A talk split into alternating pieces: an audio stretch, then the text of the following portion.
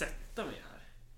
Nu, nu har ju min, eh, min stationära dator har ju kraschat så jag har ju nu ställt min bärbara dator på golvet. För jag köpte den på Elgiganten för jag är en idiot. Så att jag bad om en tyst dator. Och då kan man ju räkna ut med arslet vad jag fick. Att jag har liksom en... Mm. Det låter ju som en sovjetisk flygmaskin från 1952 typ. Så, så kan det gå. Du borde ha... Ja, nej men precis. Men det här är det här, det här är kapitalismens grymhet etc. etc. etc. Ja. Ehm, ja, nej men det finns ingenting att säga åt det där annat än att du vet, det där skulle ju aldrig ha hänt i socialismen och så vidare. Nej, då hade man ju bara haft ett alternativ till dator för övrigt.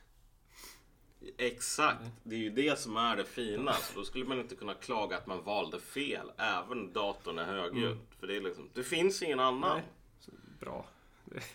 Vad vi ska... Det, det, det, det har ju gått en tid sen. Eh. Ja, precis. Det känns som att avsnittet, om man, Ja. man börjar, börjar avsnittet med att ursäkta sig, börjar typ övergå... Den, den mängden avsnitt börjar typ bli fler nu än vad, vad de andra avsnitten är. Ja, jo men precis. Ja, alltså alla dessa ursäkter och så vidare. Men, men hur som helst. Nu kommer det här och nu ska vi ta och... eh, det, det, det blir annorlunda den här gången etc. etc. Mm, Så det, ja, vad... Vi ska försöka prata om gula västarna. Ja, precis. Eller försöka och försöka. Nu tycker jag att du är lite för... Ja, men det, är- det, är- jag har tänkt på att det är, det är smart att inleda våra avsnitt med att vi ska försöka prata om ett visst ämne istället för att vi säger nu ska vi prata om det här. Har, du, så här Malcolm, har du lyssnat på vår podcast någon gång? Nej, aldrig. Nej. Det har inte hänt. Nej, och, För då, då tror jag att du skulle ha sympati för min hållning. Att det kan vara smart att säga att vi ska försöka prata om ett visst ämne. Istället för att lova att vi ska prata om ett visst ämne. Ja, ja, nej men alltså jag, jag känner bara så här att rent konkret, nu, nu är det så här. Nu, nu är det vi som har den här podcasten och det här är killgissningar hund till 100 procent. Och då, eh, alltså jag, jag är ju bara lojal mot mitt kön. Ehm, man kan ju inte hålla på och typ inte killgissa när man är kille. Hur skulle, fan, hur skulle det se ut, Marcus? Hur skulle det se ut? Det skulle vara som du vet det här i ehm, Ghostbusters. Liksom. Eh, liksom. Human sacrifice, cats and dogs living together, mass hysteria. Så skulle det se ut om vi slutade killgissa. Total panik. Men, men gula västarna då? Vad, vad har vi? Ja. Vad är det? Man, man kan ju börja där. Det är ju massa härj. Massa, massa härj i Frankrike är det. Fransmännen är ju väldigt franska. Jag tänkte på det här nu när det är så här upplopp och grejer. Att de, det finns något så här härligt folkligt i deras ehm, syn på politiskt våld. Att de bara kan ställa ut en sån här giljotin på torget typ och bara ah, här, här ska vi lägga Ja. Macron. Oh. Och så, så här färdigbyggd Ja, jo, giljotin. Alltså typ när de blir arga på någonting, ja men då kommer alla bönder i hela Frankrike in med en armada av traktorer och bara sprutar bajs på regeringsbyggnaden. Och i Sverige sitter man typ och bara blir arg på någon som skriver något argt på Facebook. Ja, i Sverige knyter man näven i fickan. Men det, det roliga är ju att nu är ju inte ens det här bara i Frankrike, det här med gula Nej, västarna. det sprider sig. Det har, ju det, det har ju spridit sig lite grann till Belgien och lite grann till Italien. Och sen så har vi ju den här extremt lustiga situationen där det är Ja men du vet samma gamla vänsterdemonstration typ för att eh, ge liksom Ge alla asyl. Men så har alla klätt ut sig i alla 20 pers klätt ut sig i såna här gula reflexvästar. Och så är det bara åh äntligen och så har den här autentiska folkrörelsen Gula västarna kommit hit till Sverige och den autentiska folkrörelsen som inte alls är typ ja men samma gamla vanliga personer som det alltid har varit. De kräver det här. Vilket betyder att de kraven är ännu mer legitima nu än vad de någonsin har Det varit. här är beviset på att det är folket som kräver det här. Ja, men exakt. Det där är det, det, det, roliga med den här sortens... Alltså det är ju... Såna här grejer riskerar alltid att bli en cargo cult när du tar ifrån dem ja, dess, dess naturliga sammanhang. Och det naturliga sammanhanget i, med Gulan västarna i Frankrike är ju att det här är en lätt eh, ett lätt verktyg att använda för identifikation. Um, varje bil är ju tvungen att ha en gul reflexväst eller flera i sig på grund av att de, man ska ha på sig det om det sker en bilolycka eller någonting sådant så att bilen står vid vägkanten. Um, och det här är ju någon form av spontan liksom, massmissnöjesrörelse som, som triggades av framförallt Macrons förslag på ny dieselskatt. Det var ju den utlösande faktorn. Ja, och den dieselskattens effekt i praktiken är väl att den är regressiv. Det vill säga att den Exakt. blir billigare ju rikare du är och dyrare ju fattigare du är. Ja, eftersom om du är fattig så lägger du upp lägger du ut mycket mer av din totala inkomst mm. på så transportkostnader. Så det är lite som momsen? Typ. Ja, och sen är det så här att så nu, nu är jag inte säker på det här, men jag vet inte ens om Macron har höjt skatten på flygfotogen. Uh, man använder inte direkt diesel i sådana här privata jetplan, så det är mycket möjligt att alltså äga ett pirat, privat jetplan och flyga runt med det inte har blivit dyrare. Sen har du en till grej som jag har hört. Så. Eh, men, men, men det är ju att han ska ha sänkt förmögenhetsskatten med ungefär samma ja. belopp. Precis. Och det här är ju någonting som har orsakat ganska mycket irritation. Och det roliga är ju att om man, man kan skilja lite grann på reaktionerna här. Därför att å ena sidan så finns ju den här sortens progressiva som bara säger jag fattar inte vad problemet är. Jag tar tunnelbanan till jobbet varje dag. Ehm, um, vem fan bryr sig ungefär?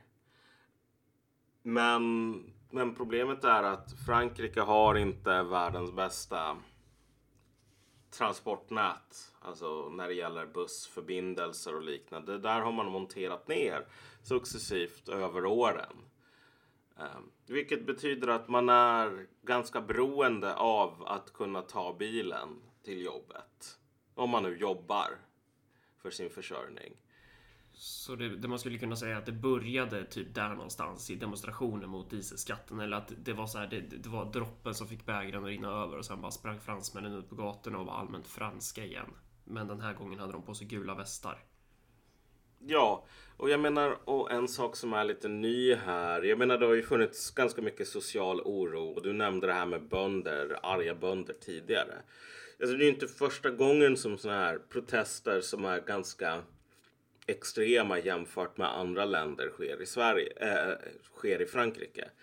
Men i just det här fallet så här, bönder som blockerar motorvägen med sina traktorer och sen får någon sympati från omgivningen. Det är en sak.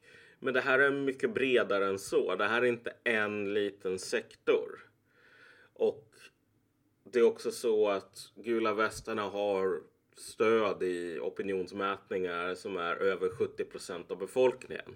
Och folk har ju kollat på bilder på du vet de här kravallerna från Paris. Så försöker de mäta hur allvarligt någonting är med hur många bilder man har på så här kullvälta polisbilar och liksom krossade fönster. Och så, det där behöver inte vara nödvändigtvis en sån himla bra måttstock. Jag tror att det är mycket smartare att kolla på liksom, vilk, vad är demografin hos de som stödjer det här och de som protesterar rent allmänt. Och här skulle jag vilja veta mer.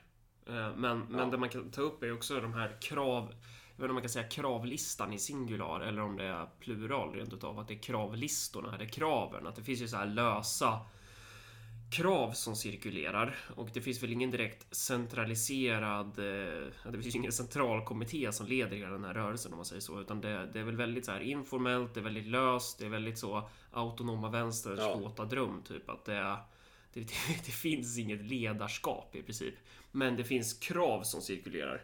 Sen är det väl så här att det här är ju kanske inte riktigt autonoma vänsterns Nej, våta dröm. Och det kommer vi komma in på lite senare. Inte i alla aspekter kanske, men just i den aspekten, aspekten att det är liksom oordning mm. och oorganiserat och att det är Eh, hur som helst, de här kraven i alla fall, det kan vara intressant att prata lite om dem typ. För det är ju, det är ju Exakt. allt ifrån typ att man, eh, ja men man vill väl ta den den här jävla dieselskatten och sen så vill man ju ha bättre pensioner. Det är liksom så här allmänna välfärdskrav och sen så ställer man också krav gällande invandring och det är ju att de som har fått avslag, de ska ju ska man skicka ut ur landet, och, men man vill också ha en fungerande integrationspolitik och med fungerande integration. Alltså om, om man undersöker vad man vill med det här, det är att man ska inför, införliva invandrarna i Frankrike, det vill säga man är ju för en assimilationsprocess. Eh, och någonting som jag tycker är intressant, det är hur man, hur den här kravlistan eller hur den här rörelsen typ har, hur den ramas in lite beroende på vem man frågar. Eh, bara det att jag, Ja. jag tog upp de här exemplen nu kanske säger någonting om var jag står, men, men att det är så här eh, om du tittar på typ det finns ju i alla fall två grupper som jag har snubblat över på Facebook eh, som heter Gula västarna Sverige eller något sånt där. Och i den ena gruppen där, där har typ vänsterfolk samlat sig.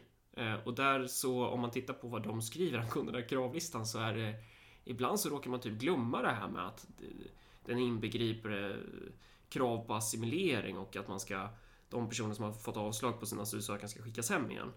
Eh, däremot Mm. så skriver man kanske, man kanske råkar omformulera lite så att det blir så här vi ska vara, vi ska ta väl hand om flyktingarna. Vi ska ha en fungerande integrationsprocess. Så man vinklar det. Mm. Om man går in i en annan grupp då, där det är fler personer som har SD-loggan i sin profilbild, så kommer det vara andra Eh, krav som man lägger mer tonvikt på. Och då kanske man snarare säger så här, men det här är ju, det här ser vi, gula västarna, det är ett uppror, uppror mot eh, globalisterna och det är ett uppror mot eh, den havererade integrationspolitiken.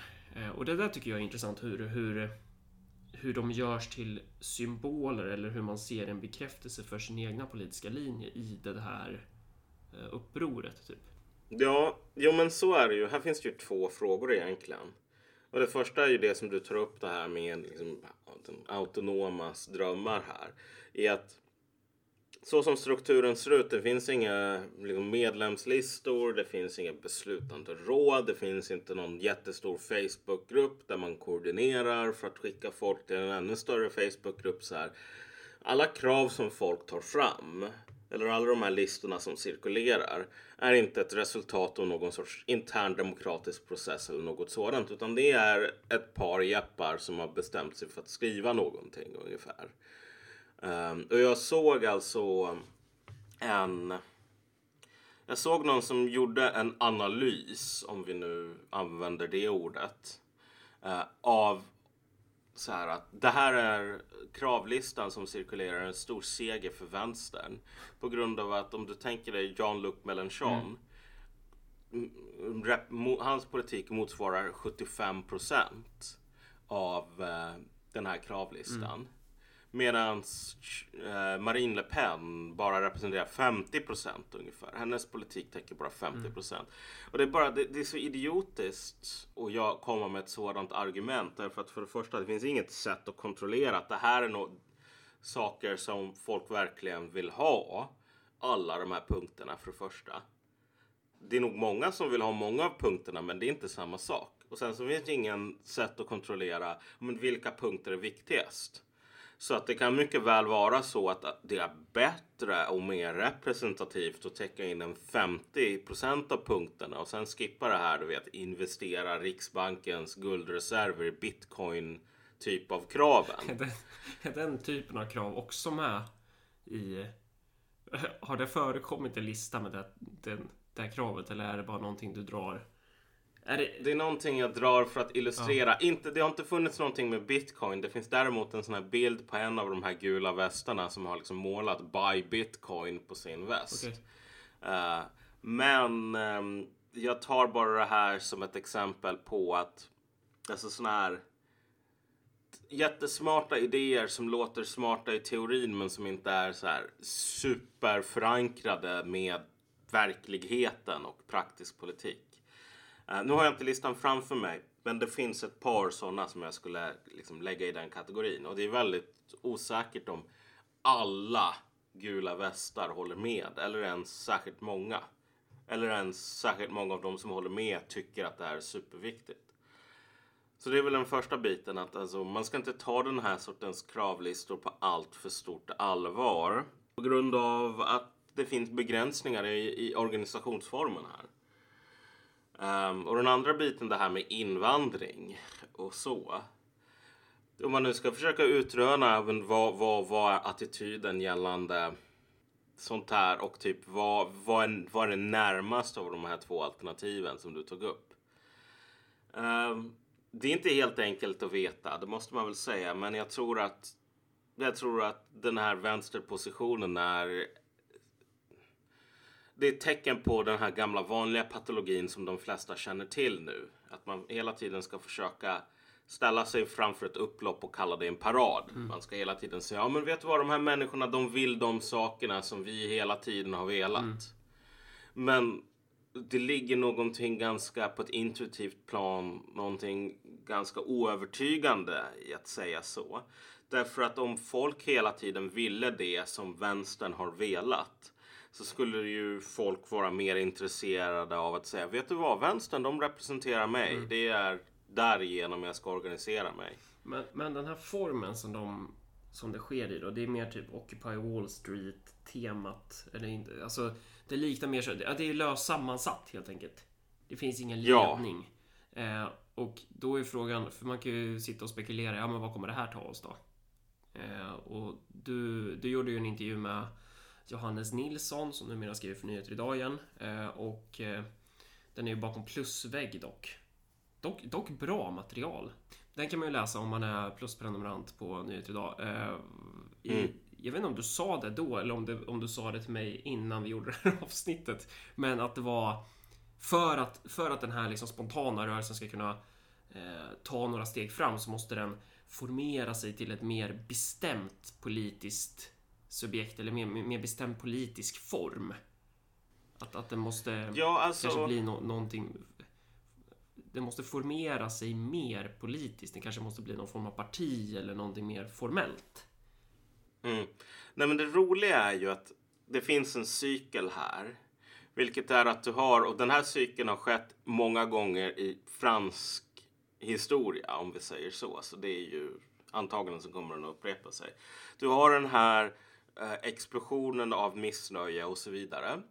Och sen så efter ett tag så kommer det in så här smarta, drivna, ambitiösa, egocentriska politiker och säger okej, okay, men vi kan ta föra det här i den här riktningen.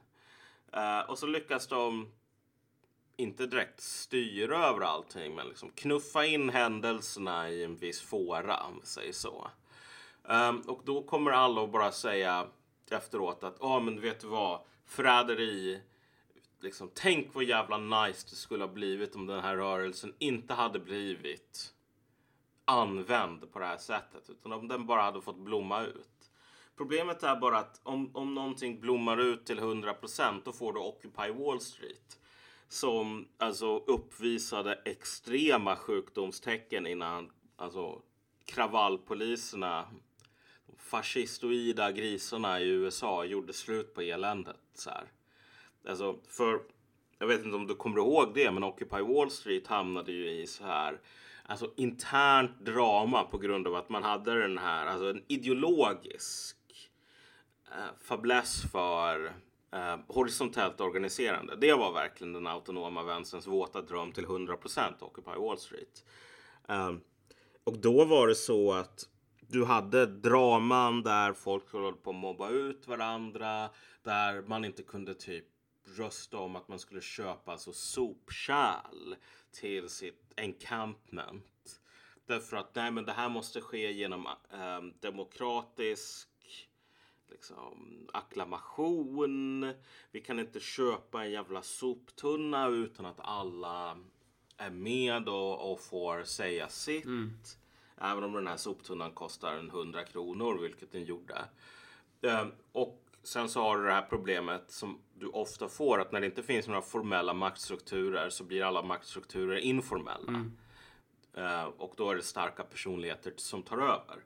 Så liksom alla de där tecknen på sönderfall, socialt, organisatoriskt, politiskt, fanns där i USA innan polisen gjorde slut på det. Nu gjorde polisen slut på det så då kunde folk säga om det bara hade fortsatt, fan vad nice det skulle bli.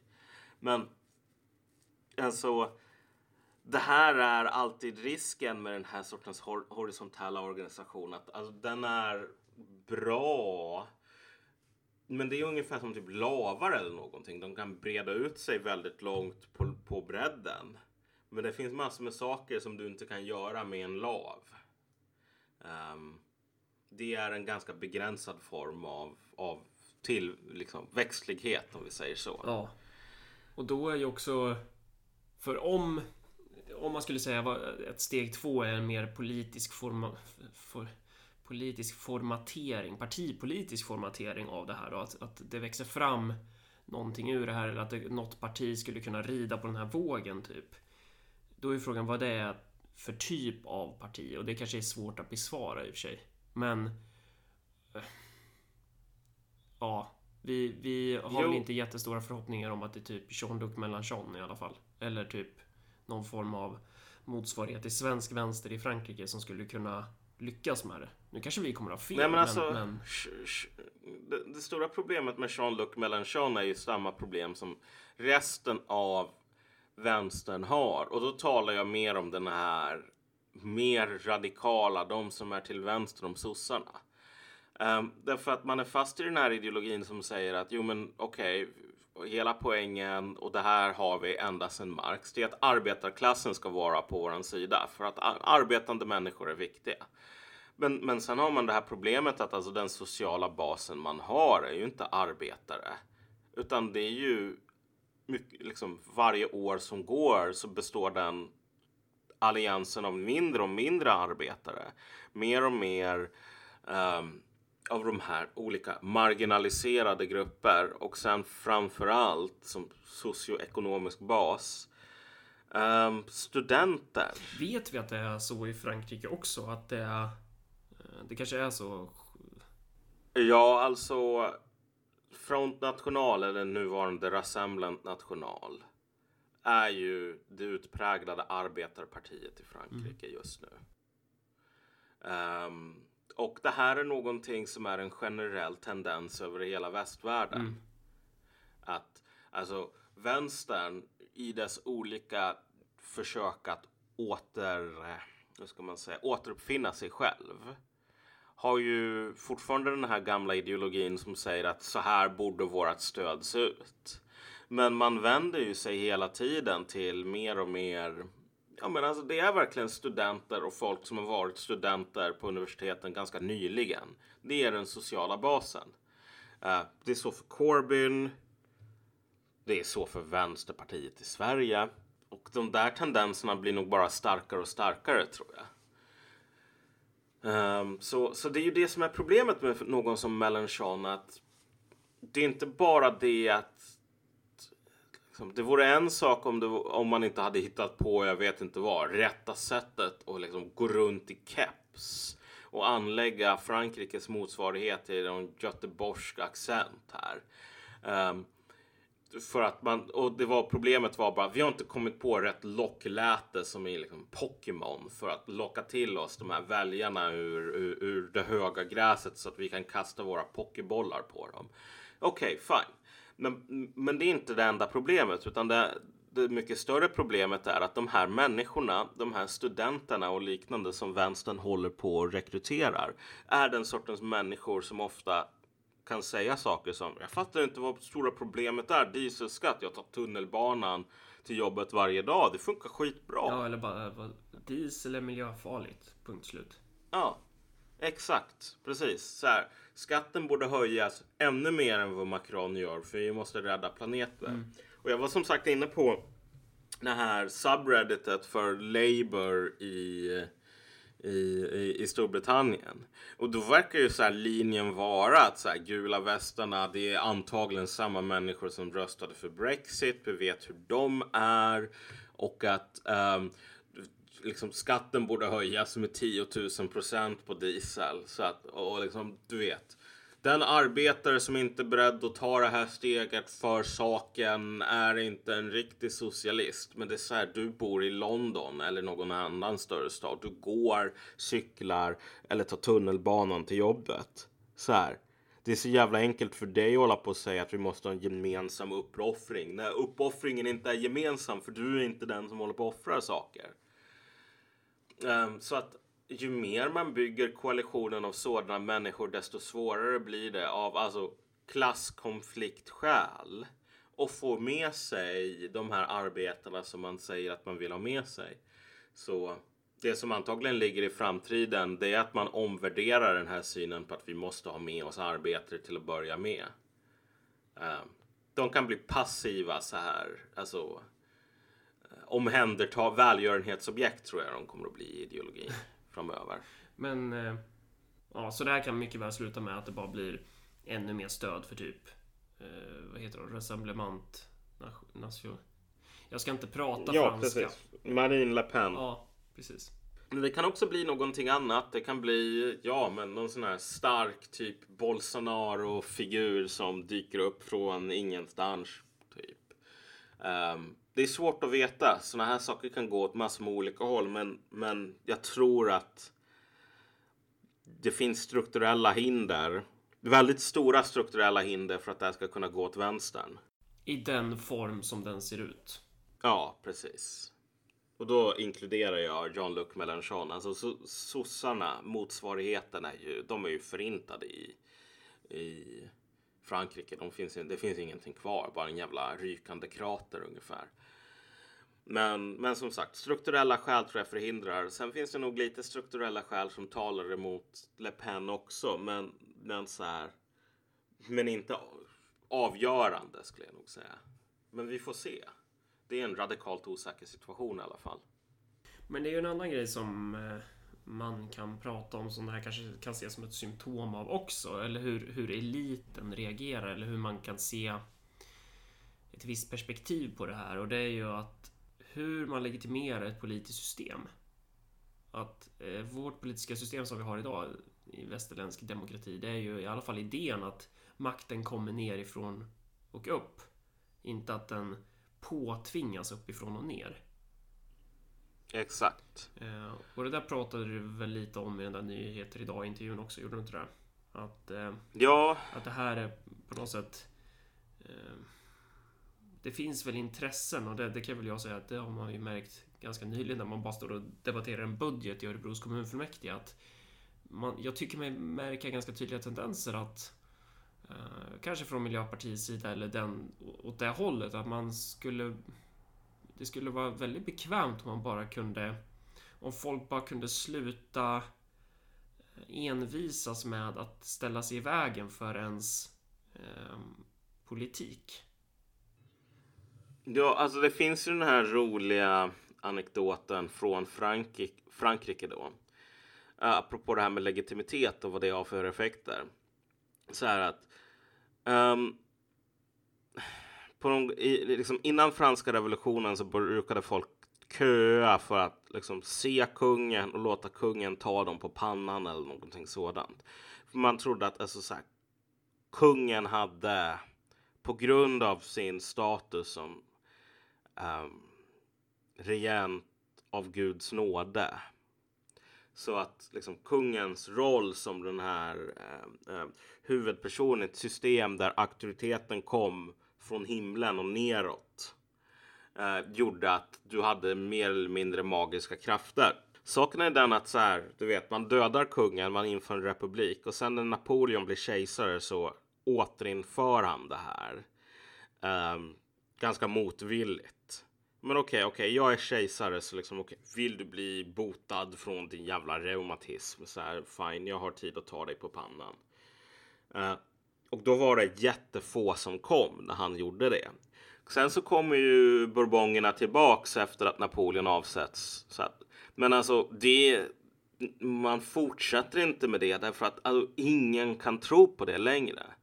Um, någonting har ändrats i Frankrike när Ludvig den 18 tar över. Um, så När är det där då? Det är 1830-tal eller? Uh, nej, alltså det är, det är tidigare än så. Det är direkt i slutet av Napoleon, Napoleonkrigen. Så här. Uh, 1830-talet, då är Ludvig den 18 redan död. Okay. Mm. Men, men så här. Så det som jag ville illustrera med den här så, eh, anekdoten eller vad man nu ska kalla den, historiska tillbakablicken, är bara att den här, det finns verkligen en magi i synen på liksom, varför de styrande styr och vad det innebär. Och när den magin försvinner är den väldigt svår att återställa, även om man vill det. Du kan ta tillbaka en kung från en dynasti som har haft en tusenårig historia i princip i Frankrike. Men, men, men det är någonting där som inte längre funkar. Och så här, vi har ju sedan dess haft ett system där alltså det magiska i systemet, den här, det som gör att du har rätt att styra även om du är en tönt. Uh, det kommer nedifrån och upp. Så att och vad man måste poängtera här är att den här, det som vi talar om legitimitet här, det är en sorts liksom, en förklaring till varför någon har rätt att styra. Det är inte samma sak som en att säga att från, från och med eh, du vet, man dödade Ludvig den 16 så var man tvungen att ha en demokrati i Europa för annars så trodde inte folk på det. Mm. Alltså, Napoleon den tredje som var alltså den första Napoleons brors son han valdes ju till president och sen så gjorde han sig till kejsare mer eller mindre. Avskaffade så här möjligheten att hålla på och välja presidenter. Det var ju jättedumt. Um, men han, när han var kejsare av Frankrike, då var det så att hans legitimitet som kejsare var att han var en bärare, representant av folkviljan. Så han var en kejsare som istället för att bygga sin eh, legitimitet från Gud eller uppifrån så byggde han sin ja. legitimitet nerifrån, från folket. Han var en kejsare av folket. Ja. Det, där, det... det var inte så att han bad om lov innan han beslutade Nej. saker, men, men legitimiteten kom därifrån. Det är därför jag har rätt att styra. Från, för att liksom, folket vill ha mig. Jag förkroppsligar deras vilja. Typ. Det där är ju inte helt unikt för honom. Det finns ju ganska många diktatorer som som skulle kunna säga likadant. Och där det, där det säkert finns också ganska stort folkligt stöd. Ja, ja. Alltså, diktator från början var ju inte ett ord med negativa konnotationer Nej. utan det var ju någonting som man valde när man hade en kris. Man behövde, man behövde en stark, städare. toxisk man ja. som kunde ta hand om det här. Men då, då röstar man fram en diktator på, på tidsbestämt uppdrag. Mm. Um, i, i den romerska republiken. Och sen tyrann var inte heller, det var ju liksom grekernas version. Eh, tyrann var inte heller någonting negativt att vara en gång i tiden. Um, men du har rätt i att det här är inte helt ovanligt. Men, men saken är den att vad vi har nu, om vi ska ta och rita upp någon sån här, du vet, du vet de här politiska skämtskalorna som är liksom, auktoritär, liberal, Eh, eller libertarian och sen är det så här höger och vänster och så ska man fylla de här fyra rutorna med något så här jättekonstigt. Mm. Um, så här, det är ganska tydligt att det finns en, hur ska man säga, folklig um, folklig diktatur. Folklig demokrati. Och sen så finns det ju eh, alltså eh, monarkisk eller liksom, auktoritet från ovan mm. som har motsvarigheten till diktatur. En icke-folklig ja. icke diktatur. Ja, ja, precis. Men, men det intressanta är att en icke-folklig demokrati är den här enda rutan som är väldigt konstig. Mm. Så det du har gjort nu är alltså, alltså att du har ritat upp en fyrfältare? Ja, en fyrfältare. Men den rutan som väldigt många politiker befinner sig i nu, vilket är någon form av alltså, demokrati från ovan. Alltså vi har de här demokratiska systemen och det är ingen som vill säga, fast nu börjar det bli lite vanligare, att vi borde införa en diktatur. Nu är det ju liberaler, framför allt, som talar om att vi behöver en diktatur. Och då säger ju folk, ja men vet du vad, klimatet så här. Jag säger inte att vi ska ha en diktatur av de här anledningarna som alla andra säger att vi ska ha det. Jag säger det av rätt anledningar. Ja, bara, vet du vad, alla anledningar är rätt om du frågar dem som tycker att man borde ha en diktatur. Um, det är inte det som är intressanta anledningarna till varför man vill ha det, utan att man vill ha det. Det är det som är talande. Och just nu är det framförallt så här liberaler, medelklassmänniskor, den sortens segment av befolkningen som vänstern och Folkpartiet och Centern rekryterar från. Mm. Um, de vill ha, eller pratar mer och mer om en diktatur. Eliternas revolt alltså. Ja, men så här. Problemet med den här diktaturen från ovan eller den här um, demokratiska diktaturen, demokratin från ovan. Det är ju att alltså i slutändan it doesn't make sense. Nej. Det blir svårt. Det är så här. Det, det, det går att få ihop en, ehm, en Caesar eller en Napoleon den tredje liknande figurer. Alltså det, det, vi har, de funkar, vi har haft dem. Visst, det finns negativa och positiva sidor. Men det går att tänka igenom det. Det går att förstå det här är det som funkar. Men alltså en, en demokrati baserat på idén om att fo vad folk vill ha inte är relevant för rätt och fel i det politiska systemet. Och då talar vi inte ens bara om vad majoriteter vill ha.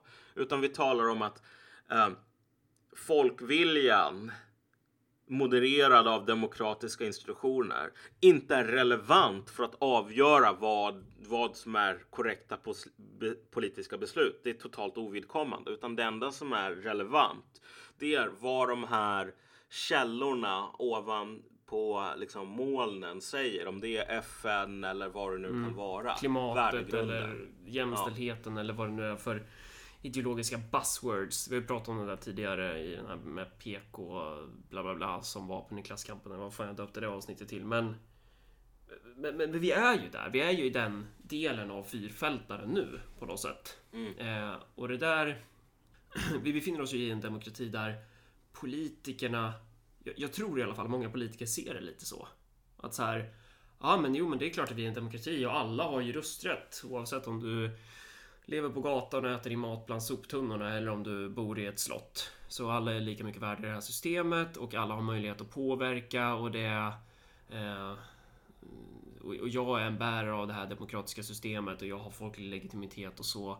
Eh, och vi ska vara väldigt eh, oroade för populisterna och bla bla bla. Och sen helt plötsligt börjar populisterna bygga partier. Och de här ja. Eh, person, personer börjar formera nya partier helt enligt reglerna. Helt enligt lagen. Helt enligt eh, så som systemet är formulerat formellt. Eh, för systemet är ju formulerat formellt, inte så som den här, fyr, inte som den här liksom fjärde biten av fyrfältaren ter sig i praktiken. Eh, utan systemet är ju formulerat så som den här rutan bredvid. Eh, mm. Alltså det, det, är ju liksom det formella. Att så här, ja men, vi har en folklig demokrati, men i praktiken har vi en icke-folklig demokrati. Eh, och det är då ja. man blir förvånad när eh, det dyker upp nya partier. När folk, när väljarna helt plötsligt bara så här, nej vi skiter i det, vi bygger ett kommunparti och så tar vi makten i kommunen. Mm. Och det här är ju det stora problemet om du kollar den svenska grundlagen. Så liksom, var utgår all makt ifrån? Ja. Var utgår allt legitimt, legitimt styre ifrån? Det utgår ifrån det svenska folket. Alltså, vi har inte ett system som är byggt för den här sortens von oben-autokrati. Alltså, alla lagar, alla liksom förklaringar för hur systemet funkar är utgår ifrån antagandet att alla håller med om att det är den här liksom, demokratiska modellen som ska, ska gälla. Det är det som är anledningen till liksom vårt politiska system. Det är det som är källan till legitimitet som våra politiker behöver för att förklara varför de styr. Ja. Och, när, och när man kritiserar deras välde då, eller deras ställning som de har skapat åt sig själva, eller att det här klasskiktet har eh, svävat iväg. Klasskiktet av politiker. Nu skramlade satan. Vänta. Ja men reaktionerna reaktionerna när, när, man, när man kritiserar deras styre. Då försvarar de sig ju med att de är demokratins väktare, typ. Att det är varför ska vi isolera ett parti som har 20% av folkets röster till exempel? Nej, men de är, de är odemokratiska. Va? Hur då? Mm. På vilket sätt? Nej, men de tycker inte som oss. Nej men exakt. Men nu börjar man mer och mer säga att alltså, vi har principer som är värda mer än den här jävla dumma demokratin. Därför att i demokratin kan folk rösta fel. Så, så jag förnekar själva möjligheten att bara att folk skulle rösta på det här eller inte göra det har någonting att göra med om, om saker och ting är sanna och rätt. Um, men problemet är ju att som, som, som sagt, de här populisterna under den här tiden, och vi får komma ihåg hur jävla snabbt det har gått. 2008, så liksom för tio år sedan, SD var inte ens inne i riksdagen då. Nej. Um, och om vi scrollar fram lite grann. SD kom in i riksdagen 2010. Mm. Och det är så här. Um, de var ju, det, var ju, det sågs ju bara som en jävla fluk. En, en, en, en bugg. Alltså en, du vet, katten har dragit in en fladdermus och dumpat den på mattan och nu måste vi fösa ut den igen så här. Okej, okay, fine. Um, inte så himla kul med en död fladdermus på mattan, men så här. What's the big deal? Det är inte en jävla fladdermuskoloni. Um, och det var först 2014 som folk insåg att nej men det här är ju inte på väg bort. Då kom den här stora depressionen. 2014 är ju bara fyra år sedan. Um, och det här är det stora problemet att vad ska man säga? Um, om du tänker dig i Europa också så uh, många av de här populisterna som vi talar om idag var ju bara stora feta jävla skämt för en fem år sedan. Alltså ingen tog dem på allvar. Så de var ju som de här rättshaveristerna på något plan som håller på att begära ut handlingar från myndigheter. Alltså man får göra det men, men, men man... tjänstemännen hatar dem. Ja, precis, precis. Därför att de, de gör det som man får på ett sätt som inte är hjälpsamt ja. om vi säger så. Och jag kan ha någon sorts um, respekt för de här tjänstemännen som håller på och klagar på alla dessa rättshaverister. För många av dem är så här psykiskt sjuka. Mm. Um, och det är därför de håller på att beställa ut alla akter liksom 200 år tillbaks i tiden. Man får ju göra det. Man, man, kan ju beställa ut ja. a, alltså allt som har hänt i en kommun. Och så, och så ja, måste ju kommunen ge ut det typ. Och det, och det där, ja, är, det där men... är ju jättesabotage av... Eh, alltså det blir ju det i praktiken men det är ju helt lagligt. Ja. Och det här är det som är det stora problemet att om du tänker dig vi har hållit på och talat om så här politikerförakt, mm. det vill säga vanliga Svensson som håller på och föraktar sina politiker.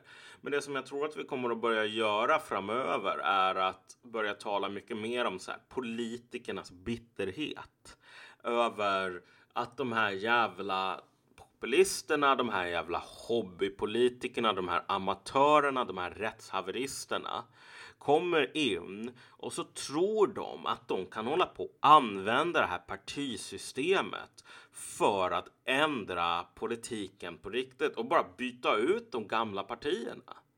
Alltså ja, det är formellt lagligt, det är formellt möjligt, men det är inte så man ska göra. Det är inte så som det här är tänkt att det skulle hända. Men nu står man typ där och då har man det här stora problemet att alltså vad ska man säga? Ja, precis. Vad finns det för kanaler att bekämpa dem med då? När man, när man, för nu är man ju i det här hörnet att bara, oj då, vi, vi har ju hävdat att det är demokrati nu i jättelänge. Och, ja. Men vad har vi då för verktyg att bekämpa de här personerna som ju faktiskt använder det här systemet emot oss? De, det... Alltså, ja. ja. Nej, men det intressanta är om man ska vara helt ärlig, det som skulle ha behövts göras, mm. tror jag, Eh, men nu är det nog för sent, alltså på tok för sent för att börja med det. Det är så här att man skulle behöva göra en liknande övergång som den här, kommunistiska ideologin gjorde i Sovjet i samband med ja, men liksom 20-talet till 30-talet. Alltså att man blir en sån här ideologiskt på något plan en sån här imperiemakt. Därför att alltså Sovjetunionen och socialismen i Ryssland på liksom 10-talet och sen på 20-talet stora delar. Då kommer ju legitimiteten ifrån att så här, vi, vi håller på och slå sönder den gamla världen. Och så här, Eh, döm oss utefter hur väl vi lyckas bygga ett helt nytt samhälle. Och man försökte verkligen bygga ett helt nytt samhälle. Man avskaffade så här grav, gradbeteckningar i armén. Man införde så demokrati så att soldaterna fick rösta på vem som skulle typ vara det kompani som här, tog del i en offensiv och vem som satt hemma. Och bara alla röstade på att sitta hemma. Um, så man försökte förändra världen. Och det hade man stötte på massor med problem att så här, världen såg ut ofta som den gjorde av ganska goda anledningar. Det fanns en anledning till att man inte tillät demokrat, demokrati genom en armé. Och sen så är man tvungen att gå tillbaks. Men man lyckas göra den här tillbakagången och sen efter det så är ju legitimiteten det som gör att så kommunister kan sitta där i toppen. Och det som gör att det är bara när de misslyckas med det här som de har problem. Det är att de gick över till att säga att okej, okay, men vi kommunister, vi är de bästa på att styra samhället. Vi är ungefär, vi gör lite samma saker som tsaren.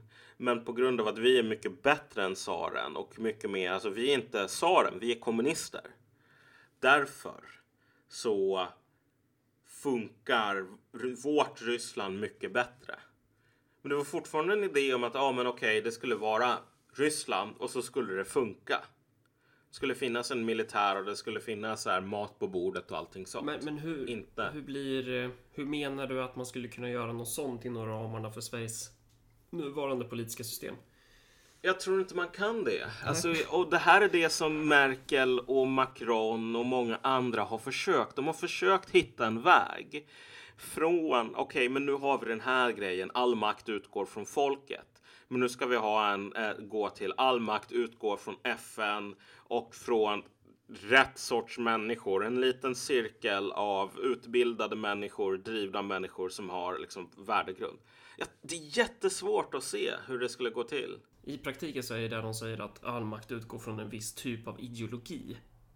För ja. FN är ju Alltså när de pratar om FN, då pratar ju inte de om, om FN i, i någon, någon, någon, fysisk form. Utan FN är ju något flytande. Det är ju... Ja, FN är bärare ja, av någonting. precis. Och, och samma sak, eh, den här politiker, ideologiska idén om... Eh, hur ska man säga? Ja, men klimatet är också en sån grej. Eh, och deras mm. idé om... För det där är ju...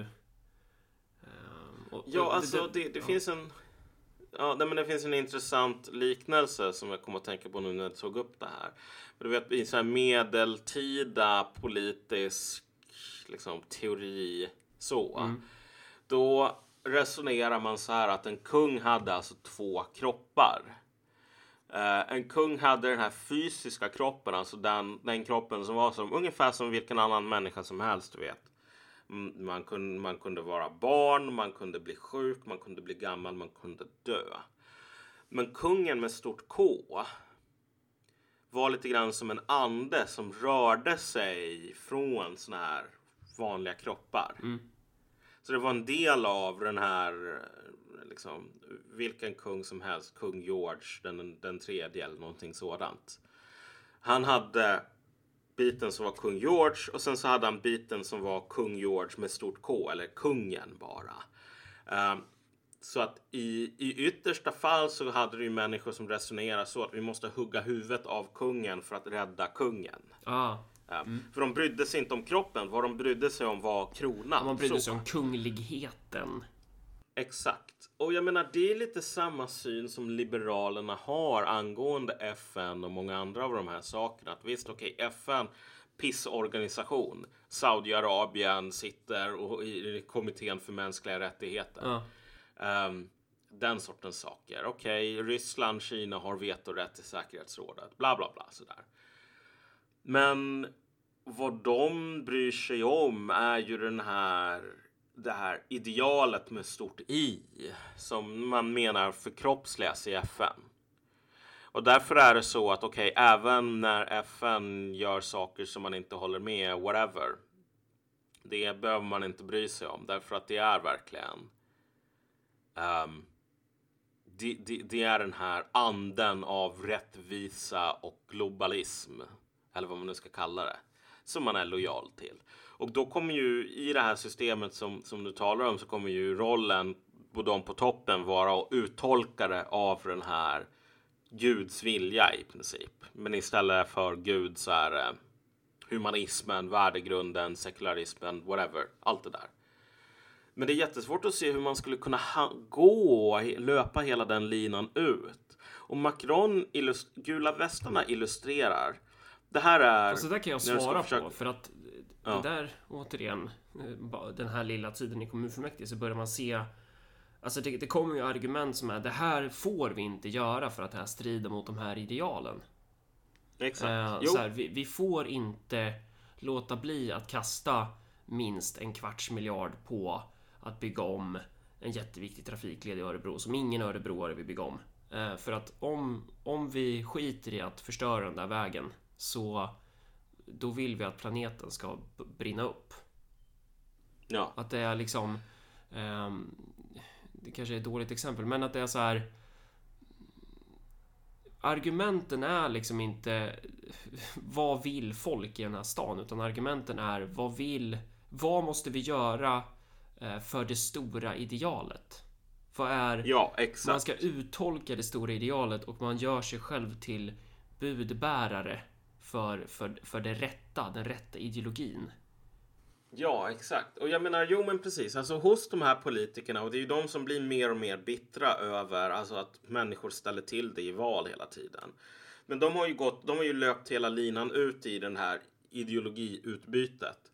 Därför att, alltså, och det har ju inte så mycket att göra med om man lyssnar på folket eller inte. Napoleon den tredje skulle säga så här. Um, Okej, okay. alla örebroare vill inte ha den här trafikleden, men jag är Napoleon den tredje och jag sitter här på grund av att jag förstår bättre än folket själva gör vad de egentligen vill ha. Så jag vill bygga om den här trafikleden för att jag är Napoleon den tredje och eftersom jag vill det så kommer de här människorna att vilja det förr eller senare själva. De vet inte det än. Men alltså det är inte den sortens liksom, resonemang som du ser hos politiker i Europa idag. Utan den sortens resonemang som du ser är ju mer eller mindre erkänner ju ganska öppet att alltså så här, folket i sig kan vara en... Alltså de kan bara vara direkt skadliga. Man behöver inte gå den här omvägen i att säga att oh, men det här är vad folk vill egentligen. Utan man kan bara säga så här, fuck vad folk vill egentligen. Om, vi, om folk fick bestämma och, och, och ge utlopp för vad de ville egentligen, då skulle vi ha en ny förintelse i Europa. Därför att vad vanliga människor vill ha det är så här bygga pyramider av dödskallar och typ kolla på Bingolotto och käka Billys panpizza tills de sväller upp som ballonger. Det finns ingenting positivt det är lite, i det är lite, vad folk vill. Det är lite Hobbes i deras syn på folk. Ja. Att, så här, ja, att människan är till naturen fruktansvärd. Eh, och det är därför vi måste se till så att så vi inte har fyra. Det är också, här är faktiskt exempel på från budgetdebatten i Örebro Eh, att Miljöpartiet är arga på att man har planerat eh, man ska bygga en ny skola i södra Örebro och de har förbannat på att eh, det finns fyra platser där föräldrarna kan lämna av barnen med bil.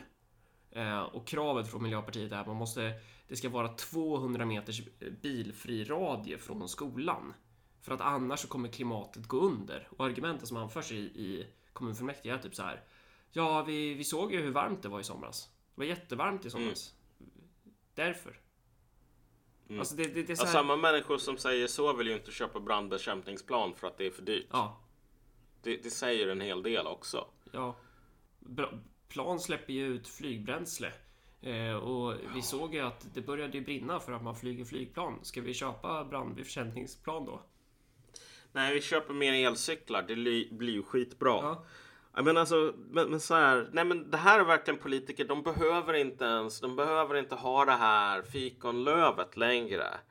För att säga att, nej men okej, men vi, du vet, människor är lite för dumma för att veta sitt eget bästa. Det är så här. Um, nu är det bara att, okej, okay, vad människor vill. Alltså människor, folket är en destruktiv kraft inom politiken. Det är vad fler och fler politiker resonerar som, antingen öppet eller i alla fall de facto.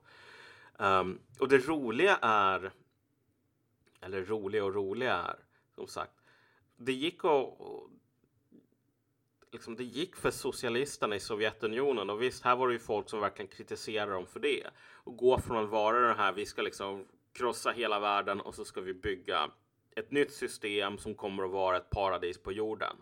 Gör vi inte det, ja men då kan ni ge oss sparken för då har vi misslyckats. Till så här, vi ska se till så att ungdom, liksom, bönderna är löskunniga och vi ska fixa skolor och vi ska fixa vägar och allting sådant. Och har ni inte skolor och vägar och så här ballettklasser till era, era barn, då har vi inte gjort liksom, rätt.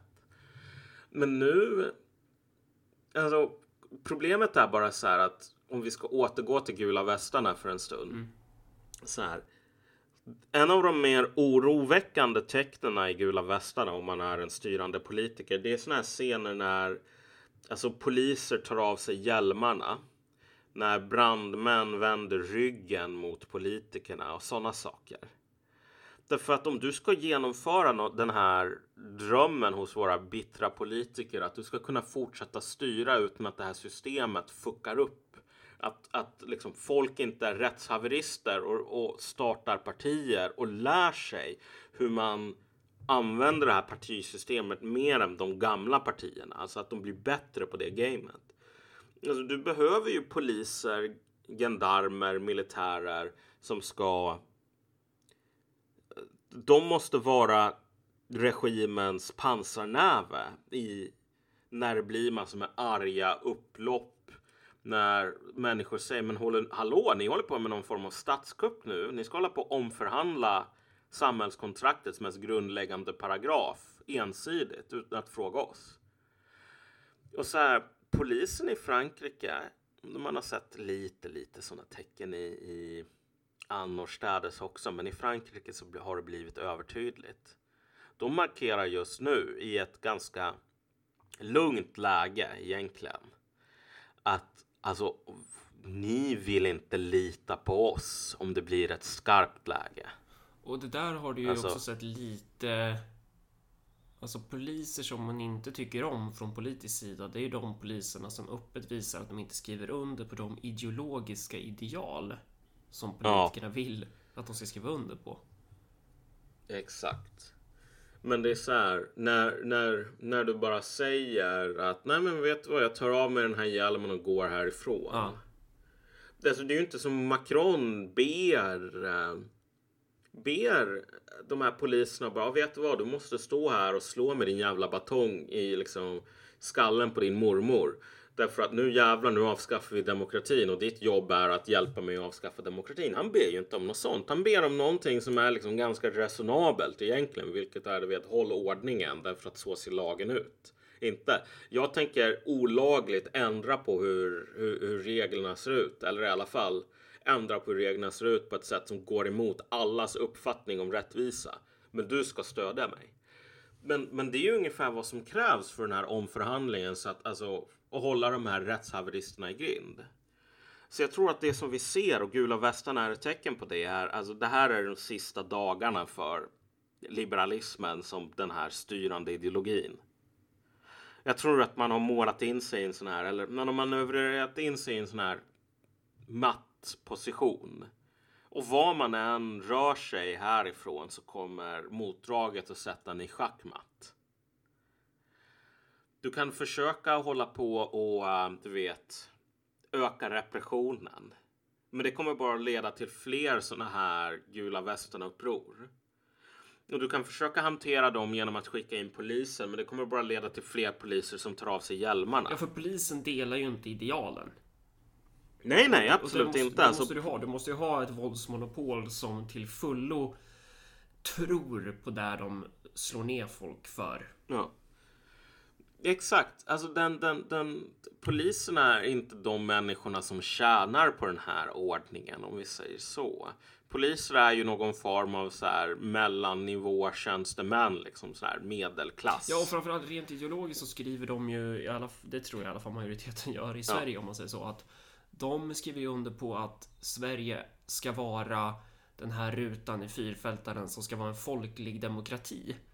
Att ja, ja, men exakt. De... Och de har inte samma skäl, Nej. materiella skäl, att byta ruta. Nej. Alltså, Deras klassposition är en klassposition som tjänar på att man, vi befinner oss kvar i den här rutan. Medans, och det här har vi ju diskuterat lite tidigare. i Befinner det här oss kvar i, avsnittet. eller hur menar du? Att vi befinner oss... Va? Nej, ja. Nej, men om du, jag, jag menar, vi har ju diskuterat det här lite tidigare i, i, i tidigare avsnitt. Alltså, varför är den här alltså kaderklassen? Varför de är intresserade av den här sortens liksom, globalism eller vad man nu ska kalla det. Det finns alltså materiella skäl. Men poliserna delar inte de materiella skälen. Nej. Vilket gör att alltså risken att, eller chansen att de kommer att flytta sig till att säga att vi ska ha den här icke liksom, demokrati från ovan. Vi ska ha skalet kvar men det ska vara så att folket ska hållas borta. Är det någon jävla eh, människa som ringer på Messenger till dig nu? Ja. Jag, jag hatar Messenger. Jag blir tokig varje gång någon ringer på Messenger. Det är fan sämsta appen att ringa på.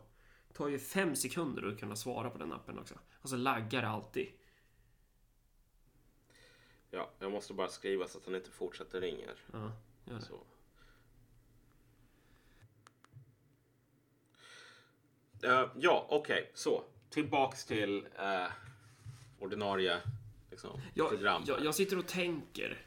Eh, för att jag menar om, om, om det är slutet på någonting.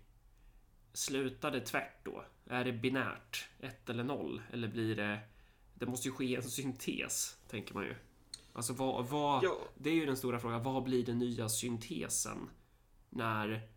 Eh, när den här liberala ordningen dör. Om det nu är så att den dör. Nu sitter vi bara och spånar här, ska man ju säga. Eh, men... Eh, när, när, hur menar du då när du menar att liberalismen håller på att gå under? Det är liksom att... Det är, det är ganska stort. Ja, alltså som, som, som en så här styrande ideologi med någon sån här hegemonisk position. Mm. Så här att alla som styr ska vara liberaler, annars är det någonting konstigt som har hänt. Mm. Alltså det var ju attityden som man hade för ett par år sedan och den finns ju fortfarande kvar idag. Men alltså för ett par år sedan, ja men då fanns Orban. That's it. Typ. Nu, ja men nu har du liksom, du har Polen, du har Ungern, du har Österrike, du har Italien. Ehm, de här partierna växer i Spanien, i Frankrike, i Storbritannien. I någon bemärkelse så tror jag väl Ukip fortfarande växer i alla fall. Um, I Sverige, i Danmark, i Norge, i Finland. Uh, massor med andra länder. Liksom. Tyskland, för att inte glömma dem. Um, liksom, det går inte längre att säga att men det här är inte normalt. Liksom. Det, här, det här kommer att gå över. Och den andra biten är ju att som sagt att alltså, liberalismen har ju alltid haft den här spänningen mellan någon sorts teknokrati och någon sorts, ja men vet du vad, för folkets bästa men kanske inte med deras vi behöver inte lyssna på folket men det som vi gör utgår ifrån. Ja, men ungefär som föräldrarna behandlar sina barn. Att så här, föräldrarna gör ju det här för barnens bästa, men barnen, Ja. barnen vill äta godis varje dag. Men de liberala, goda, upplysta föräldrarna ser till så att barnen inte äter godis varje dag. Eller, eller översatt i politik att bar, barnen, väljarna vill eh, gasa ihjäl planeten med koldioxid men de goda liberala förmyndarna räddar världen från att det ska ske. Ja, men nu börjar vi övergå till så här naket fiendeskap. Det är inte så här att jag är förälder och du är barn, utan du är min fiende och om du tillåts ha något inflytande då kommer hela världen att raseras. Jag menar, man börjar få den här synen som alltså adelsmän hade gentemot borgare och bönder. Det var inte så här liksom, eh, vi står alla på samma sida egentligen, vi bla bla bla, utan det är bara så här nej, försvinn. Ja. Ni ska inte vara här. Som sagt, alltså det, det finns nog... Man kan försöka, du vet, go out it a bang. Säga, alltså jag över min döda kropp. Att de här rättshaveristerna som tror att de har... Liksom bara, att, bara att de vinner val ska innebära att de ska styra. Men det är en sån jävla... Alltså det är en extrem position att gå till. Därför att återigen, en av fördelarna med att styra med en legitimitet det är att när du ger order till poliser och soldater och kväsa uppror så är chansen ganska god att de kommer att säga ja. Men om du försöker gå emot den legitimiteten som finns i samhället. Det vill säga att du lever i 1600-talets Frankrike och säger vi borde ha en republik, kom igen. Eller du lever i 1900-talets Frankrike och säger vi borde ha en monarki, kom igen. Um, då kommer poliserna och soldaterna som du behöver ha på din sida om du inte hyr in legosoldater i och för sig. Men det är jävligt svårt. Eh, de kommer att säga vad fan håller du på med? Så här, du gör någonting som är fel. Som alla vet är fel. Varför ska jag stödja dig med en sak som alla vet är fel? Och typ alla vet att det skulle vara fel med de metoder som skulle behöva användas för att alltså, ändra på de demokratiska systemen så att SD inte kan bli största parti i eh, nästa val eller valet efter det eller vad det nu är. Om de har flyt så här så kan de bli största parti. Och så här. Okej, okay, visst, du kan ha liksom en sjuklöversallians, men tänk om SD blir så här 45 procent eller någonting sådant. Alltså vid det läget så kommer man att stå inför att jag kan antingen säga okej, okay, du vann enligt spelets regler. Nu är det du som styr. Eller så kan man säga spelets regler gäller inte längre. Och jag tror inte liberalismen kommer att ta det här sistnämnda. De kommer att försöka förhala och det där har ju du lite erfarenhet av om vi säger så. Mm. Du vet, alltså. Man affischerar bredvid sossarna och sen så får man en sån här nota på 30 000 kronor från kommunen för att du vet, du har affischerat på ett olagligt mm. ställe. Eller att man glömmer Den att betala ut eh betala ut kommunalrådsarvodet för att citat, vi har inte budgeterat för det eller vad. Alltså det, listan kan ju göras lång. Uh, ja, exakt. Jo, jo, men precis. Nej, men den här grejen med att du vet, du får inte lön för de här två månaderna nu uh. och att inte det är retroaktivt. Alltså, det är extremt konstigt och det är antagligen bara den här, alltså sätten som man nålar folk. Jag kan göra det här lite långsammare för dig. Men, men nålning funkar inte om personen på andra sidan är för trög eller för bestämd för att bli påverkad av nålningen. Nålning, det var vad abilityn harmstring skulle hamstring, eller vad heter det? Den här som Warrior lägger. Den här som man bindar till R när man kör PVP. Som man slowar ja. den andra. Ja, men ungefär. Det är så det, är så det skulle väl... heta på svenska om WoW var på svenska då. Nålning? Nej, det, det, jag tror inte det. Nålning, då talar jag mer om att man bara typ sticker någon med en, en sån här nål eller någon sån här vass penna eller någonting ja. när man sitter i skolan och så bara för att mobba någon så här så sticker man dem med, med det, så här vasst föremål är det vanligt, Är det vanligt förekommande att, det, att den typen av, av metod sker? Man, man sticker alltså, om du tänker dig på, på engelska internatskolor på 1800-talet så hände väl det så här en gång var femte sekund eller någonting så. Ja. Nu tror jag inte att det är vanligt längre. Men, men, men, men hur som helst, den här hamstringingen mm. av, av fienderna. Visst, alltså det saktar ner dem på allvar. Men om de tar sig i mål. Då är du fortfarande, då har du fortfarande det här problemet. Alltså de verkar, de, de, de kanske är nedsaktade men de har inte stannat. Mm. Så här, och som sagt, gula västarna. Jag menar, man kan ju hålla på och prata om det i termer av du vet, det här är den stora grejen som kommer att ändra på allting, bla bla bla. Du vet, nu, nu går vi in i en ny tid. Och jag är jävligt, du vet. Jag kommer ihåg hur man pratade om Occupy Wall Street. Och det var så här, Först var det jag och mina vänsterpolare på den tiden på nätet som bara sa det här kan inte bli någonting för att det här är inte riktigt liksom. Det här är inte den genuina marxismen. Och sen så står man bara där och bara wow, liksom fatta vad stort det blev. Mm. Och då var det ju skitmånga som bara sa att nej men shit, det här är skitstort, det här kan bli hur stort som helst. Annan... Och så var det folk som, ja. Ja, nej men gör slut för resonemanget. Ja, nej men det var folk som sa att bara åh gud vad synd det var. Tänk vilken vad bra det här skulle varit om polisen inte kom och så vidare. Men alltså de här sortens rörelserna är har en viss historisk nisch. Mm.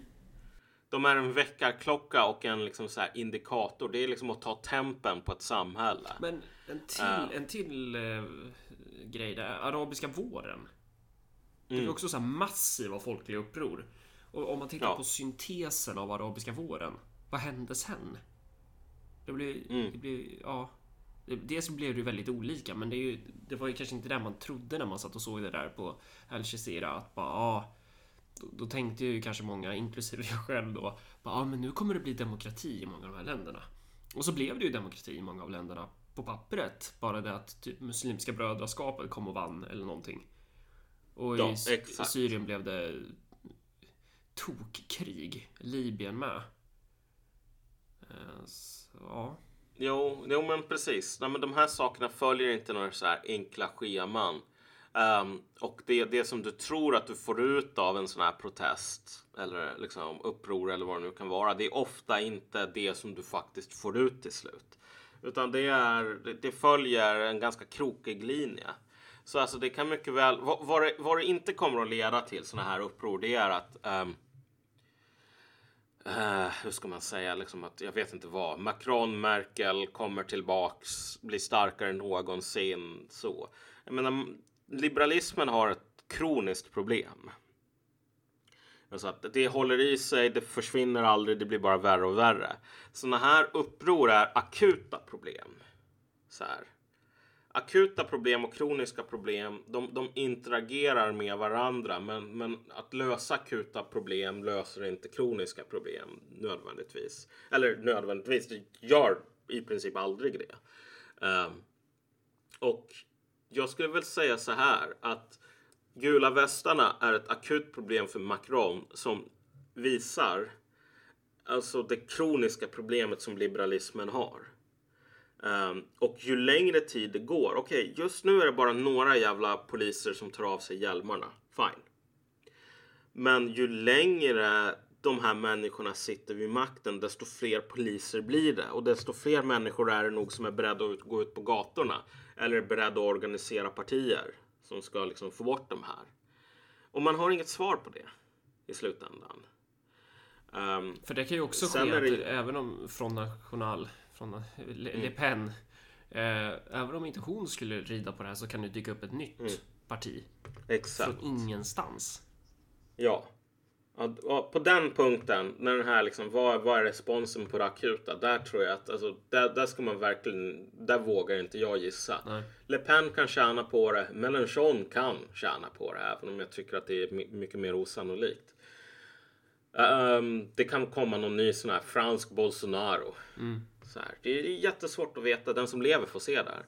Men, men det här är en, en riktigt hård indikator och det här är någonting som man bör ta, lägga märke till även i Sverige, även i Danmark, även i Tyskland. Att så här, liberalismen har kroniska problem som den inte vet hur den ska hantera.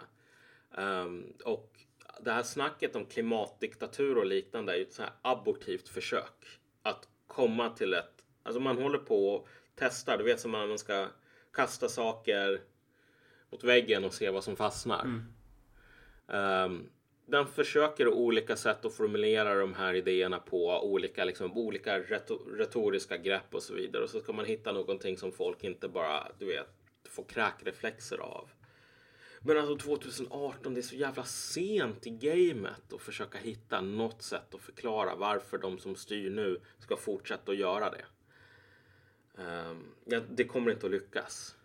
Utan den här bitterheten, den här gallan som politikerna bär inför sin egen befolkning och inför de här jävla hemska haveristerna, de här mongorna, de här bönderna som kommer in i röstbåsen och bara tror att de har en jävla ursäkt mm. och har sönder vårat system. Mm. Våra unika traditioner av politisk stabilitet och samförstånd. Så här, den bitterheten kommer bara växa och växa och växa. Jag tror den kommer att bli ganska giftig liksom, hos... Eh, den kommer nog att få politikerna att bli alltså, inåtvända ganska mycket till slut. Om man tittar på vad det klasskiktet har för verktyg till hands mm. att, att bevara sin makt så alltså något verktyg som är väldigt nära det är ju att om man börjar använda skattepengar för att befästa sin position allt mer. Ja. Man kanske inför någon slags skattefinansierat kommunalgarde för att vakta eh, de folkvalda.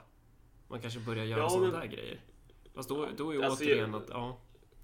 Det stora problemet är ju bara så här att alltså, det finns ju inga... Om man skulle starta någon sån här Revolutionary National Guard för att skydda eh, Björn Wiman och Greta Thunberg. Det stora problemet här är bara så här, vilka skulle vara med i det? Skulle det vara så här Cissi Wallin, Jens Liljestrand som står där med så här automatkarbiner liksom. Jag tvivlar på att de vill göra det. Utan de, de, de, de har betjänter för sånt. Och det är det som är problemet. Att när man har betjänter för sånt. ehm, de här betjänterna har en egen vilja. ja, du får väl ta afghanen på försörjningsstöd annars. Ja. Här- Ja, men definitivt. Villkoret för att du får vara här, det är att du står här i regnbågsfärgade uniform och vaktar mig. Ja, alltså det skulle ju vara så jävla intressant om man försökte använda dem till någon sån här janitsarier. Men, men, men det kommer inte att lyckas. Nej. Det, är inte, det, är inte, det ingick inte i dealen, liksom varför man kom hit. Att man skulle hålla på och utkämpa någon sån där inbördeskrig mot majoritetsbefolkningen på liksom minoritetens sida. Ehm, då kommer folk att dra tillbaka till Afghanistan, eller sorry, till Iran. Ehm, men, men jag tror att än mycket mer, och det här ser vi ju redan tecken på, alltså det, det kommer att vara mycket mer att man lägger pengar på såna här ideologiska grejer. Ja, man börjar Jag offra till de stora idealen helt enkelt. Som man Ja, nej men typ. alltså Att man offrar. SVT ska ha mer och mer pengar och så här andra grejer, du vet Expo, Tillsammanskapet. Vet du vad Ja, enprocentsregeln där- är för övrigt? Ja, att en procent av liksom en kommuns budget eller landstingsbudget ska gå till det här med konst. Ja, det är en procent av investerad. eh, Om du ska göra en investering på typ 100 miljoner, ja men då ska en miljon gå till konst. Ehm, Ja, Och det, det använder man ju fortfarande. I alla fall i Örebro. Ehm, så ja. Men alltså, jag tror att man kommer att ha lite så informella 1%-regler fast för så här ideologisk indoktrinering. Och, och, och så här, det här kommer ju inte vara något skifte, liksom vi vaknar upp och så lever vi i ett Orwellianskt samhälle, utan det kommer att vara saker och ting ser ut som nu fast lite mer. Men det ligger någonting ganska desperat i de här försöken att, alltså, så att säga, motverka fake news, motverka en... Kommer du ihåg när liksom, svenska regeringen skulle hålla på att producera fakta om hur bra det gick för Sverige? På liksom regeringen.se var det väl? Så här, fakta! Typ våldsbrotten går ner. Fakta! Det har aldrig varit så lite så här, sexuella övergrepp som nu. Och det var bara så här att problemet med det där är ju att det kostar pengar. Okej, fine. Det är ett försök att styra liksom, folks medvetanden. Fine. Det funkar inte. Folk köper inte det. Alltså, och, och jag menar, jag tänker på Bästa exemplet på det här är ju så här julimonarkin. Från 30-talet i Frankrike till 48. Den, den var ungefär som dagens liberalism i att den, den hade ingen social bas. Var det, det var Vichy-regimen under där då? Eller är det något separat då? Vichy-regimen är ju Det var samband med andra världskriget. Ja, men du sa Utan- 30 till 48 eller vad sa du? Ja, juli, julimonarkin är ju där den här sista Jaha, menar du kungen av 1830? bourbonerna. Ja, Ja, förlåt. Ja. 1830 till 1848. du vet när de flesta refererar till 30 till 48 då, då pratar man ju om 1900-talet. Men det är ju väldigt ma- Ja, ja, Malcolm det, det, att vara det, det är liksom på bara det är 1800-talet. normis som gör så. Ja, jag, är, jag är autist. Så jag får anta att alla liksom, Det är funkofobiskt av dig Ja. när jag tänker på saken. Och bara anta, vara så här normativ liksom, för 1900-talet här. Medan jag utgår från 1800-talet. Hur som. Jag ska inte gå in på någon sån här lång jävla liksom, utvikning här. Men det är bara så här att typ en, en kungafamilj byter ut en annan. Eller liksom en kusin byter ut en annan. Eh, och problemet är bara så här att det här är den här monarkin kommer till som en kompromiss. Därför att det är massor med människor ute på gatan som typ gör revolution. Och då ska man försöka sätta lock på den genom att byta ut den här hatade kungen mot en som man är, typ inte är hatad. Eh, och problemet är ju att hela den här monarkin därefter har en sån extremt smal bas att stå på. Det finns ett par människor som stödjer den och det är mer eller mindre så här, den övre medelklassen. Det övre borgerskapet. Det är de som tjänar på julimonarkin. Så här, aristokraterna tycker inte om den därför att det, så här, det här är liksom bögigt eh, uh, 1800-tals bullshit medan 1700-talet är det man ska tillbaks till. Så de hatar den. Uh, så här, undre medelklassen tycker inte om den därför så här, höga skatter, man får inte vara med och rösta. Och arbetarna tycker inte om den heller. De tycker att så här, vi blödde på gatorna. Inte för att få det här samma jävla liksom, pissmonarki som tidigare fast med en lite högre budget till så här konstverk. Så du vet den här berömda tavlan där det är den här kvinnan som leder håller i den här franska flaggan och det är liksom barrikader och skit. Marianne som leder liksom folket till frihet, vad det nu heter. Mm. Den beställdes av eh, Junimonarkin. Jaha. Um, som en sån här... Eh, det, det, det, var alltså segrarna i, i, i revolutionen på 30-talet som beställde den.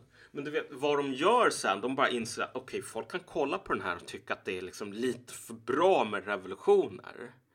Så de typ beställer den och så dumpar de den i en källare. Där ingen ser den i, i, i så här årtionden. Um, därför att när de väl har beställt den här hyllningen till revolution så inser de att så här, vi vill inte hålla på och hylla revolution därför att alltså, vi är inte populära nog för att det ska vara så jävla säkert. Mm. Folk kan bara kolla på den tavlan och säga ja men så ska vi göra mot er också. Um, så att som sagt, en väldigt impopulär regim, eller in, inte impopulär, men den hade inget starkt stöd. Och de enda som stödde den, det var liksom den övre medelklassen, vilket, eller övre borgerligheten. Um, och jag menar, liberalismen hamnar i precis samma fälla just nu. Så här en uh, 150 år senare, lite drygt. Fast kaderklassen här... då karaktäriseras av att den, in, den inte direkt den produktiva delen, det som vi har pratat ja. om tidigare då. Ja. Så att det behöver kanske inte, ja, men... om, om man ska stratifiera det så kanske det inte är den övre delen av medelklassen som stödjer nuvarande ordning utan det är kanske en viss, eh, hur ska man säga, Ja. ja, nej men precis. Jo, okej. Okay. Om vi säger så här, kad men kaderklassen är fortfarande en klass som är beroende av De är beroende av transfereringar ja. snarare än att så här, det här är de som tjänar mer. Mm. Men de människorna som är beroende av transfereringar och som är liksom, av andra olika skäl ideologiskt dedikerade till det här projektet. Mm. De stödjer. Um, de stödjer den nu rådande ordningen. De stödjer EU, de stödjer FN. Och de kommer alltid att reagera om det blir liksom Brexit eller någonting och ställa sig på sidan av status quo. Men det är en liten minoritet av befolkningen i, i någon bemärkelse som tillhör den här die hard-kärnan. Um, ehm, och man är inte populär bland de andra och man har dessutom så legitimitetsproblem. Du, anledningen till att man beställde den där tavlan med Marianne som så här julimonarkin är ju på grund av att så här, man försöker att göra den här legitimiteten. Det här. Vi föddes i revolutionen. Det här var ett indikativt på du vet, det franska folket valde sin liksom, medborgarkung. Uh, men den legitimiteten var så extremt tunn. Och det är samma grej med det här med demokrati idag. Att du vet, nej men vi sitter här på grund av demokratiska val, bla bla bla. Så här. Men ju mer tiden går, desto mer känner man att alltså den här jävla grundlagen där det står all makt utgår från folket. Kan vi inte bara ta och bara låsa in den i någon jävla källare också så att ingen ser den?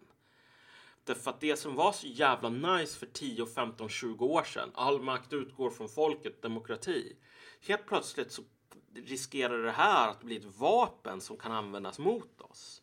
Kan vi inte bara glömma allt det här och, och, och fokusera på framtiden? Du vet, man är i samma situation. Visst, det finns stora skillnader, men just den här smala basen, hotade legitimiteten och så vidare. där ser det ganska likadant ut och det kan nog sluta på samma sätt. Um, att det slutar i den här revolutionen 1848 som bara varar en väldigt kort tid.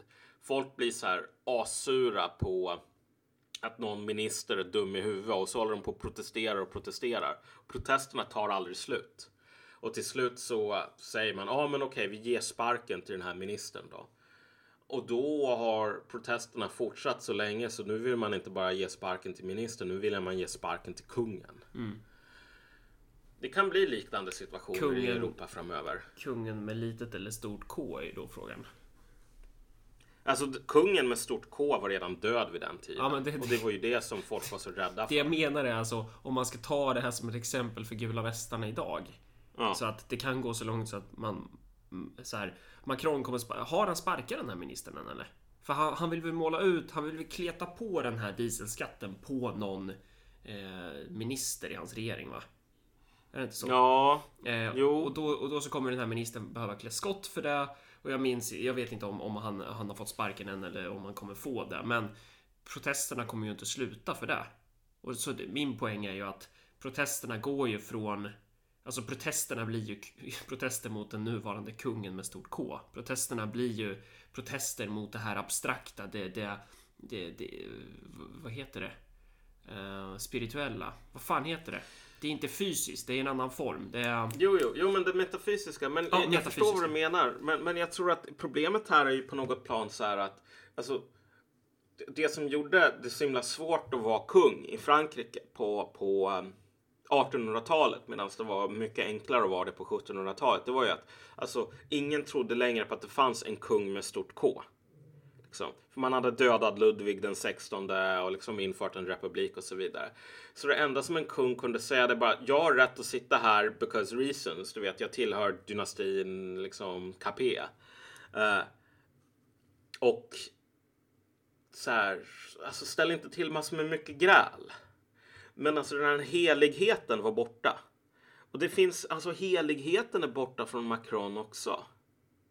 Han, han har ingenting att falla tillbaks på. Det är därför att Liberalerna försöker återuppfinna någon sån här liksom kung, demokrat, president, statsminister av FNs nåde. Men det, har inte, det är ingen som tror på det. Men de här olika kungen med stort K eller vad det nu kan vara för form. Alltså de här ideologiska idéerna om hur, hur man kan legitimera en maktordning. Eh, det är ju rör som klasskampen flyter igenom. Som klasskampen Ja. kan rinna igenom. Och där kanske är någonting som man har underskattat eh, idag. Alltså hur klasskampen kan flyta genom demokratin. Alltså hur klassintressen kan formera sig utifrån eh, en folkfostran om att vi Ja men det är klart att all makt ska utgå från folket för om du jämför med klasskampen för hundra år sedan Då fanns inte det på samma sätt, i alla fall inte i Sverige. Det, fanns ju fan, det blev ju rösträtt för hundra år sedan liksom. Men idag då har vi fostrats i att ja, men vi, vi kan ha förväntningar på staten. Det är rimligt att ha förväntningar på staten. Det är statens jävla uppdrag att fixa så att min vardag fungerar. Um, så, att, så att det finns um, kanske, en, jag vet inte hur utforskad den variabeln i klasskampen är, men liksom de här idén om eh, folklig demokrati. Att det, Mm. det är ju ett rör som de här intressena kan flyta via. Ja, men exakt. Alltså, jag tror... Men här är det återigen en sån här ett ställe där den stora del, oppositionen som inte är populistisk, eller vad man nu ska kalla det, är ju totalt värdelös här. Därför att i slutändan, alltså samma sorts misstanke mot folkmakt, folkvilja och så vidare. Alltså den finns ju hos vänstern. Därför att det är samma klass människor i den som hos det här Björn Wiman klimatdiktatur nu. Ehm, Ja, det är ju samma sak, Vilket- eller vadå? ja, jo, men, men, men, men det gör ju också typ att alla just nu står vid sidan om och bara säger så här. "Äh, är, det här är det här progressivt eller inte? Och så försöker man ordna sin egen gula västa protest där man bara, ja men öppna gränserna nu. Liksom, 20 pers har köpt reflexvästar och så bara, ja men nu har vi den här folkliga legitimiteten. Nu är det öppna gränserna nu. Nu är det del av en folkrörelse. Så här, nej, jag tror att vad vi kommer att se framöver är nog mer sådana här saker och den här bitterheten kommer att fortsätta växa. Och samtidigt så kommer eh, de här så som skedde med gula västarna, alltså vänstern runt om i världen kommer att vara de som är sist på bollen ungefär.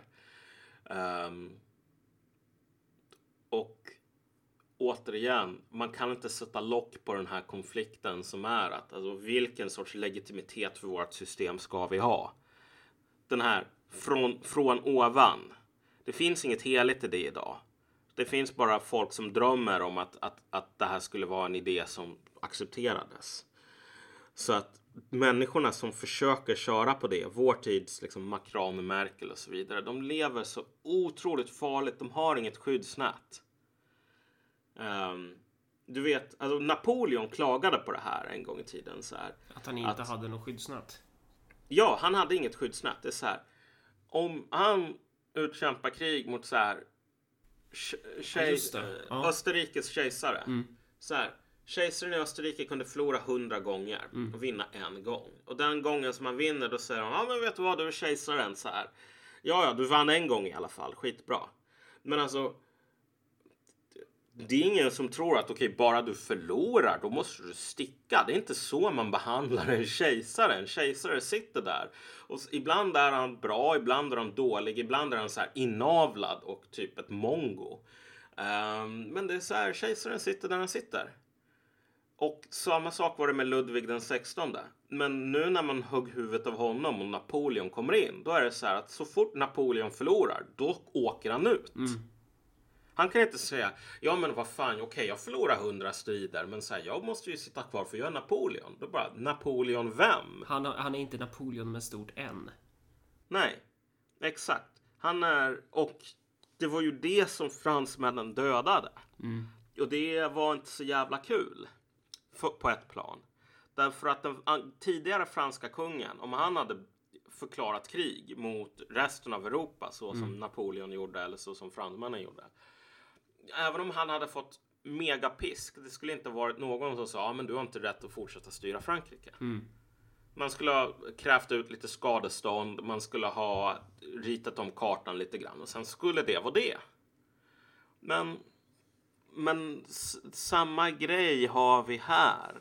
Att det systemet som vi har gått ifrån, det är så här att okej, okay, vi byter ut um, statsministrar och så vidare. Okej, okay, fine.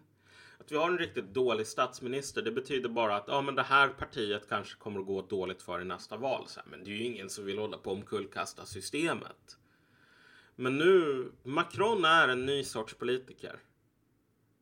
Och han har gjort lite, öppnat samma dörr som Napoleon, om vi säger så. Nu var det ju inte Napoleon som öppnade den själv, men du fattar vad jag menar. Alltså, det, är, det är samma regler som gäller för honom. Att när man håller på att ändra på det här, när man vickar på den här båten lite för mycket, då blir det till slut att man hamnar i ett läge där du får one shot One opportunity som Eminem säger i 8 Mile. Liksom. Mm. Sen om du blåser den, då är du fuckad. Och då är ditt parti fuckat. Och alla människor som tycker som du, ni är också fuckade. Så. Vi får se Mm. hur det här går. Det kommer att bli spännande att följa utvecklingen. Men jag tror att vi befinner oss i liberalismens sista dagar här. Uh, och inte då liberalism från 1800-talet utan den här moderna sorten. Ja. Nu var du funkofobisk och förklarade att det, in, att det inte utgår från 1800-talet alltså. Mm, ja, jag vet. Men du vet, jag får göra det därför att jag har TF. Ja, just det. Eh, ja. Jaha, ja det var ett avsnitt där då. Mm. Mm. Ja, Ja. Då kan man ju, eh, ja vad kan man göra? Man kan bli en Patreon till Marcus Malcolm.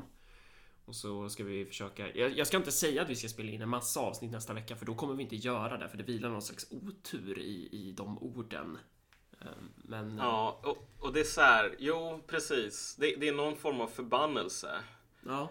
Och, och jag vet att så här, folk har ju bara, ja du den här hemska, eh, loppbitna, imperialisthunden Marcus Allard. Varför fördömer han inte Assad? Jag ser fan folk som skriver sådana saker ganska ofta. Var jag hänger du så här- någonstans? Var är du någonstans? Vad, vad, Ja, vad gör du? i så här eh, konstiga hörnor kan man väl säga. så Vadå inte fördömer den? Va? va? Ja, det är bara så här, jag skiter det är i Syrien. Ja, men det är också så här. Även om man inte gjorde det. Mm. Har du sett vad som har hänt till alla som säger att Assad måste lämna? Det är så här, McCain är död. Liksom, sossarna gjorde det sämsta valet på hundra år. Hillary Clinton förlorar valet. Ja, Merkel alltså. är på väg ut. Macron slåss mot de gula västarna. Liksom så här. Det här är Tutankhamons förbannelse. Det är Assad. Det är Assads komp... Är, vi ska inte prata om ZOG utan vi ska prata om AOG. Ja, nej men alltså jag, jag känner bara så här att du vet. Jag tänker, inte, jag, jag tänker inte öppna min mun angående Assad bara för att alltså så här, det är som, man går inte in i den här jävla pyramiden där Tutankhamon vilar. Nej. Så här, oavsett varför. Utan då, då kommer man bara dö typ två veckor senare. Så, liksom. så nu har ni svaret på den, ni som, ni som undrar varför eh, eh, vi inte har gått ut och regelrätt fördömt Assad. Liksom. Vi, vi, vi är inte vidskepliga, men alltså förbannelser, herregud. De finns på riktigt. Nu kommer, det ser man ju. nu kommer jag precis på att jag har glömt av en vital del av mitt liv. För jag hade ofta som morgonrutin att jag uppdaterar den här. eh, Det finns ju så här Google Map över kriget Ja. i Syrien. Det är bra att jag precis har sagt det. Jag skiter ju i Syrien. Men, men ja, ja, ja, jag är väl lite allmän intresserad kanske. Men, men att man Ja. varje morgon kollar liksom hur fronten ser ut i Syrien. Det har ju det har inte jag gjort på flera månader nu. Eh, Men, men Ja. är inte turkarna på väg in där nu? Då kanske, då kanske Erdogan dör nu. Bara för att han försöker. Fast han har ju försökt länge att jävlas med Assad. Han är, en ex, han, han, är, han, han står på tur alltså. Ja, ja, nej men precis. Men alltså jag, som sagt, jag, jag Försiktigt. Ja, så här, en gång är ingen gång. Jag tänker ta det säkra för det osäkra och inte eh, liksom I don't want to invite the wrath of liksom greater powers eller vad man nu ska säga. Ja, men det, det blev en jävla utläggning. Men förhoppningsvis, här har ni ett avsnitt och vi tänker inte säga att vi ska spela in flera Nej. nu för då kommer vi inte att göra det. Men så här, på något plan så ja, ni vet vad Ja, helt enkelt. ja. Ha det bra hörni. Hej. Ja. Hej. Jag måste gå.